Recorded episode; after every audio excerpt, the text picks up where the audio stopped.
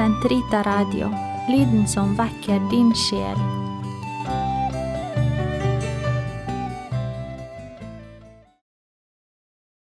Hei, og velkommen til Katolske hode, episode 10, Fastetida og kirkens bud.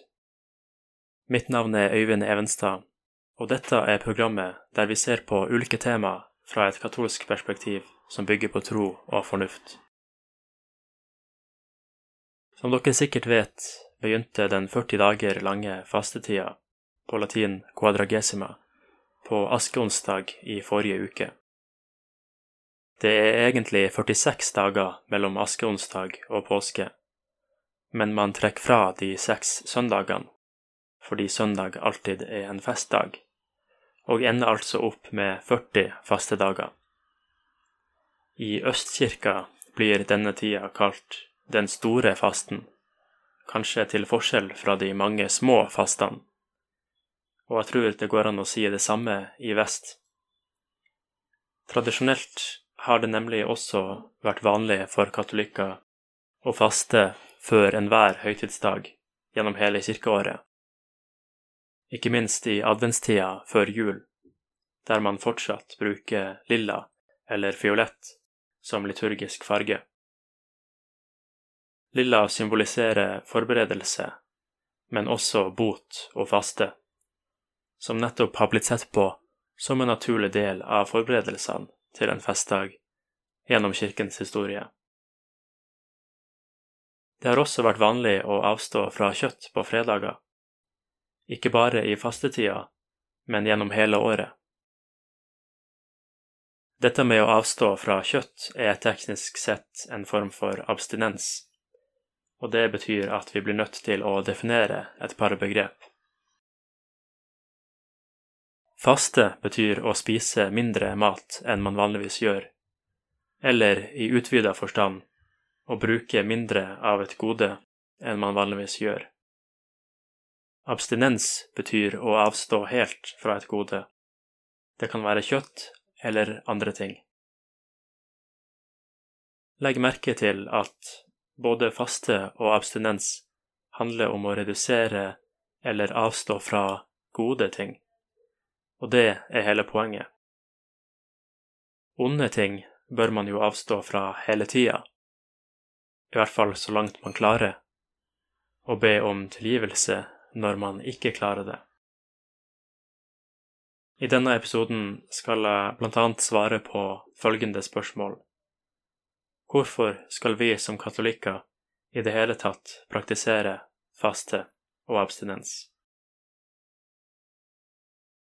Den første grunnen er at faste og abstinens er det fjerde av kirkens fem bud, som vi er forplikta til å overholde som katolikker.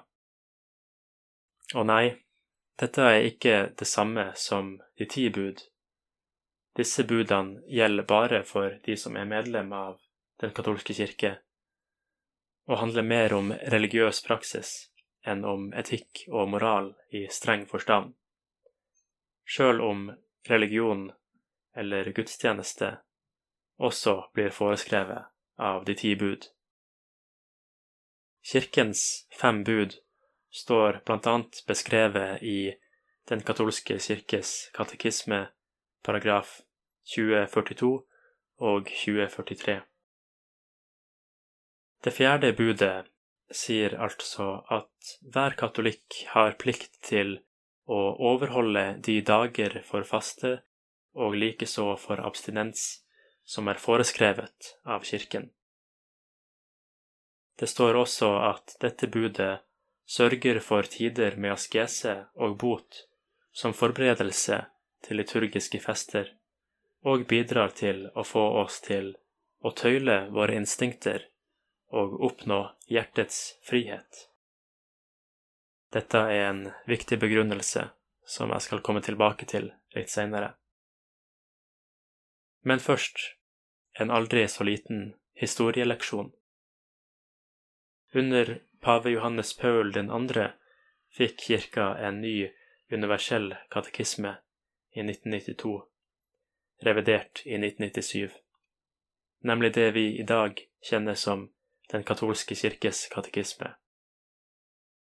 Men før det hadde vi en annen universell katekisme, nemlig den såkalte romerkatekismen, eller tridentinerkatekismen, som ble utgitt i 1566 etter konsilet i Trient.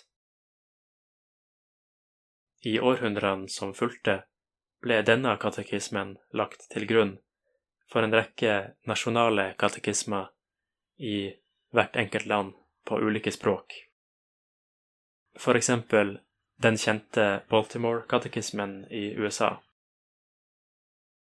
Et eksempel på dette i Norge er den såkalte katolsk katekismus, utgitt av St. Olavs forlag i 1922, med imprimatur fra den daværende biskop Falitze. I denne gamle nasjonale katekismen blir Kirkens bud gjengitt på samme måte som i den nye universelle katekismen, med noen unntak.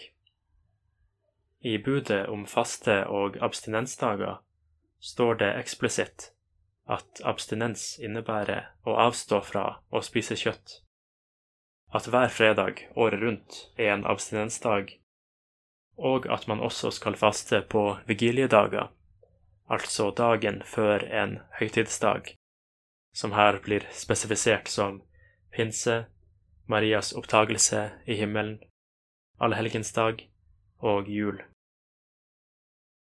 Videre står det at man også skal faste på noe som kalles tamperdager, på engelsk kjent som Ember Days, som det er fire tilfeller av onsdag, fredag og lørdag etter tredje adventssøndag, etter første søndag i fastetida, etter pinsesøndag og etter korsets opphøyelsesfest 14. september. Tamperdagene ble offisielt avskaffa som et krav av pave Paul 6. i 1966, men det er selvsagt mulig å overholde dem frivillig for de som skulle ønske det. Her er forresten en fun fact, eller morsom opplysning, om tamperdagene. Det japanske tempura, panert og frityrstekt mat, kommer fra det latinske navnet på tamperdagene, quator tempora, som betyr fire tider. Det var portugisiske jesuittmisjonærer i Japan på 1500-tallet som fant opp tempura-teknikken for å gjøre det mer spennende å spise fisk når de ikke hadde lov til å spise kjøtt på fredager. Du har kanskje hørt at når man skal faste, f.eks. på askeonsdag og langfredag, er regelen at man kan spise ett normalt måltid og to mindre måltid som til sammen ikke er større enn det ene normale måltidet. I katekismen fra 1922 kalles de små måltidene for en kollasjon, og jeg ser ingen grunn til at vi ikke kan bruke det samme begrepet fortsatt. Colazione på italiensk betyr frokost, og har samme betydning som det engelske breakfast, nemlig å bryte fasten, noe som altså er tillatt til og med et par ganger på en fastedag. I dag er katolikker bare pliktig til å faste på askeonsdag og langfredag, og dette gjelder bare for de som er mellom 18 og 59 år. Det har dessuten blitt mer vanlig å velge én eller flere spesifikke ting å faste fra, eller midlertidig gi opp i fastetida. For eksempel godteri, alkohol, TV eller Internett. Dermed kan man ofte få høre spørsmålet fra katolikker Hva faster du fra i år? Alle som over 14 år må likevel også avstå fra å spise kjøtt på askeonsdag, langfredag og hver fredag i fastetida. Regelen om fredagsabstinens i året ellers har blitt oppheva, men kirka kan fortsatt oppfordre de troendes til å praktisere det frivillig, enten ved å avstå fra kjøtt eller ved å utføre en annen form for bot.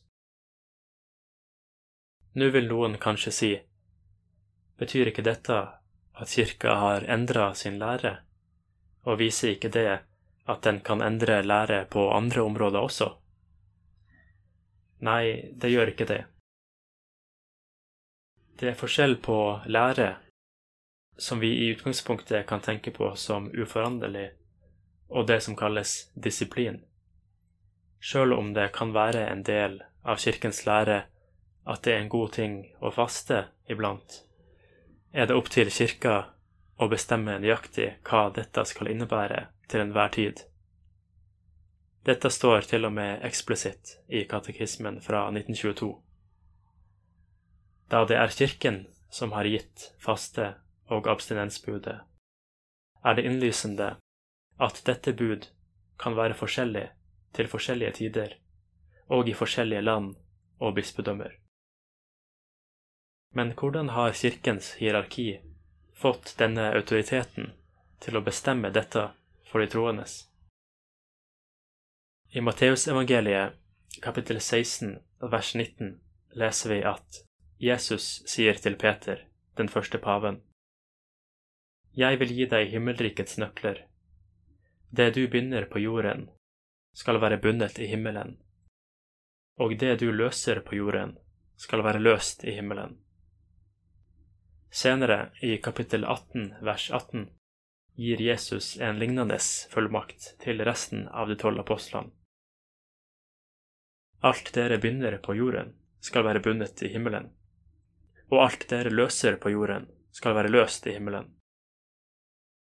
Her og andre steder siterer jeg fra Bibelselskapet sin oversettelse fra 2011.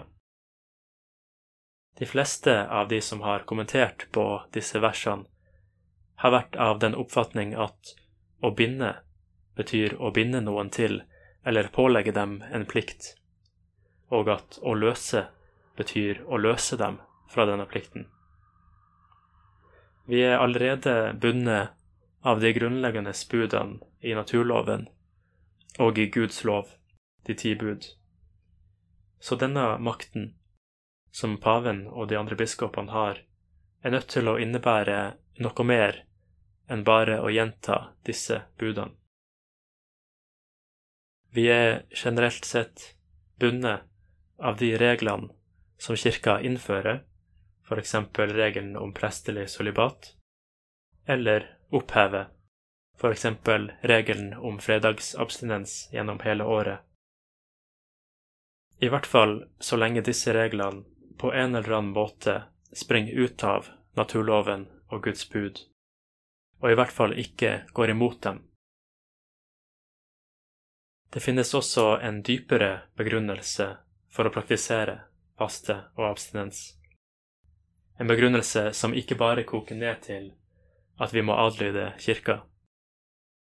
I katekismen fra 1922 står det at vi bør især overholde faste- og abstinensbudet i følgende hensikter. 1. For å etterfølge Jesu Kristi og alle helgeners eksempel. Her vises det bl.a. til følgende bibelvers, Matteus 4,2 om Jesus. Han fastet i 40 dager og 40 netter. Og i Apostlenes gjerninger 14,23 står det om Paulus og Barnabas at i hver menighet valgte de ut eldste, det vil Si prester, for dem, og under bønn og faste ga de dem over til Herren. Videre blir også Moses, Samuel, David, Judith, Ester, makabeerne og Anna holdt fram som eksempler på mennesker i Bibelen som praktiserte faste. 2. For å gjøre bot for våre synder. Her vises det til profeten Joel 2,12. Selv nå, sier Herren, Vend om til meg av hele deres hjerte, med faste og gråt og klage. 3. For lettere å kunne temme våre onde lyster. Her vises det til Matteus 17, 21. dette slaget, det vil si dette slaget onde ånder, drives bare ut ved bønn og faste. Og vi kan lese i Salme 35, 13, Jeg plaget meg med faste og ba med hodet bøyd. Fire. For å vise vår barnlige lydighet mot Den hellige kirke. Og den grunn har jeg allerede sagt litt om. Faste er også en av de gode gjerningene som særlig blir anbefalt i Den hellige skrift, sammen med bønn og almissa, det vil si å gi til de fattige. For eksempel fra Tobits bok 12, 8-9. Det er bedre å be av et oppriktig hjerte og å gi almisser med rettferd enn å ha rikdom vunnet med urett. Det er bedre å gi til de fattige enn å samle seg skatter av gull. Almisser redder fra døden og soner for enhver synd. Her leser jeg fra Bibelselskapets oversettelse av de deuterokanoniske bøker fra 1988. I dag blir det ofte sagt at de pengene man sparer på å spise mindre i fastetida, kan gis til de fattige i stedet. Og på den måten går faste og almissa hånd i hånd. Det har også blitt et større fokus på at man ikke bare skal gi opp ting i fasten, men også ta på seg mer av visse ting, f.eks. bønn eller barmhjertighetsgjerninger. Jeg nevnte tidligere i denne episoden at faste og abstinens handler om å redusere eller avstå fra gode ting, og det er dette poenget jeg vil komme tilbake til nå. Jeg vil påstå at en av de viktigste grunnene til å praktisere faste og abstinens er å dyrke måtehold, som er en av de fire såkalte kardinaldydene, eller hoveddydene som kirka anerkjenner. I Den katolske kirkes katekisme, paragraf 1809, står det Måtehold er den moraldyd som holder trangen til forlystelse i tømme, og sørger for likevekt i bruken av skapte goder. Den sikrer viljens herredømme over instinktene og holder lysten innenfor anstendighetens grenser. Måtehold handler altså om å bruke skapte goder på riktig måte, uten å la seg styre av dem. Hver gang vi faster eller avstår fra noe, sjøl om det er et gode, får vi se hvor sterk viljestyrke vi har.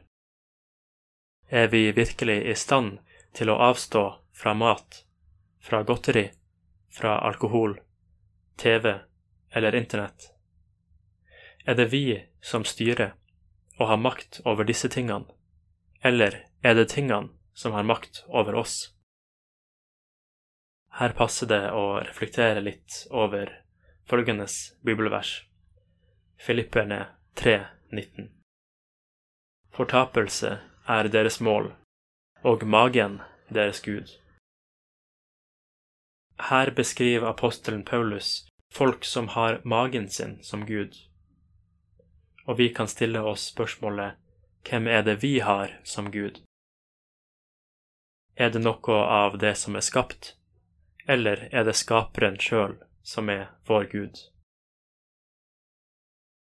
Kirka har pålagt oss faste og abstinens for vårt eget beste.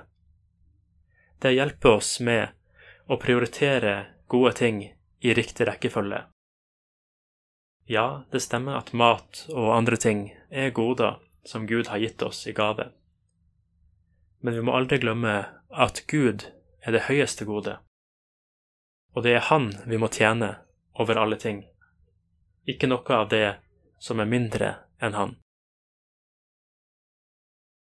Jeg vil anbefale deg å lese de resterende fire av kirkens fem bud på egen hånd, og huske at disse budene er pålagt oss ved den samme fullmakten til å binde og løse som Jesus ga til sine apostler. I resten av fastetida vil jeg at vi skal prøve å reflektere over hvordan vi faster på riktig måte, og ikke minst hvorfor vi faster. Jeg vet at dette er en vanskelig tid for oss alle, og mange av oss eh, har vært nødt til å faste fra viktige ting, som messen til og med. Dette er kanskje en spesielt passende tid for å huske på å reflektere over at det er Gud som er det høyeste gode for oss. At han er uforanderlig, at han vil det beste for oss, og at han alltid vil være der for oss. Mitt navn er Øyvind Evenstad, og dette har vært Katolsk i hodet, et program der vi ser på ulike temaer fra et katolsk perspektiv som bygger på tro og fornuft. Til neste gang ønsker jeg deg en velsigna uke, fortsatt god fastetid, og på gjenhør.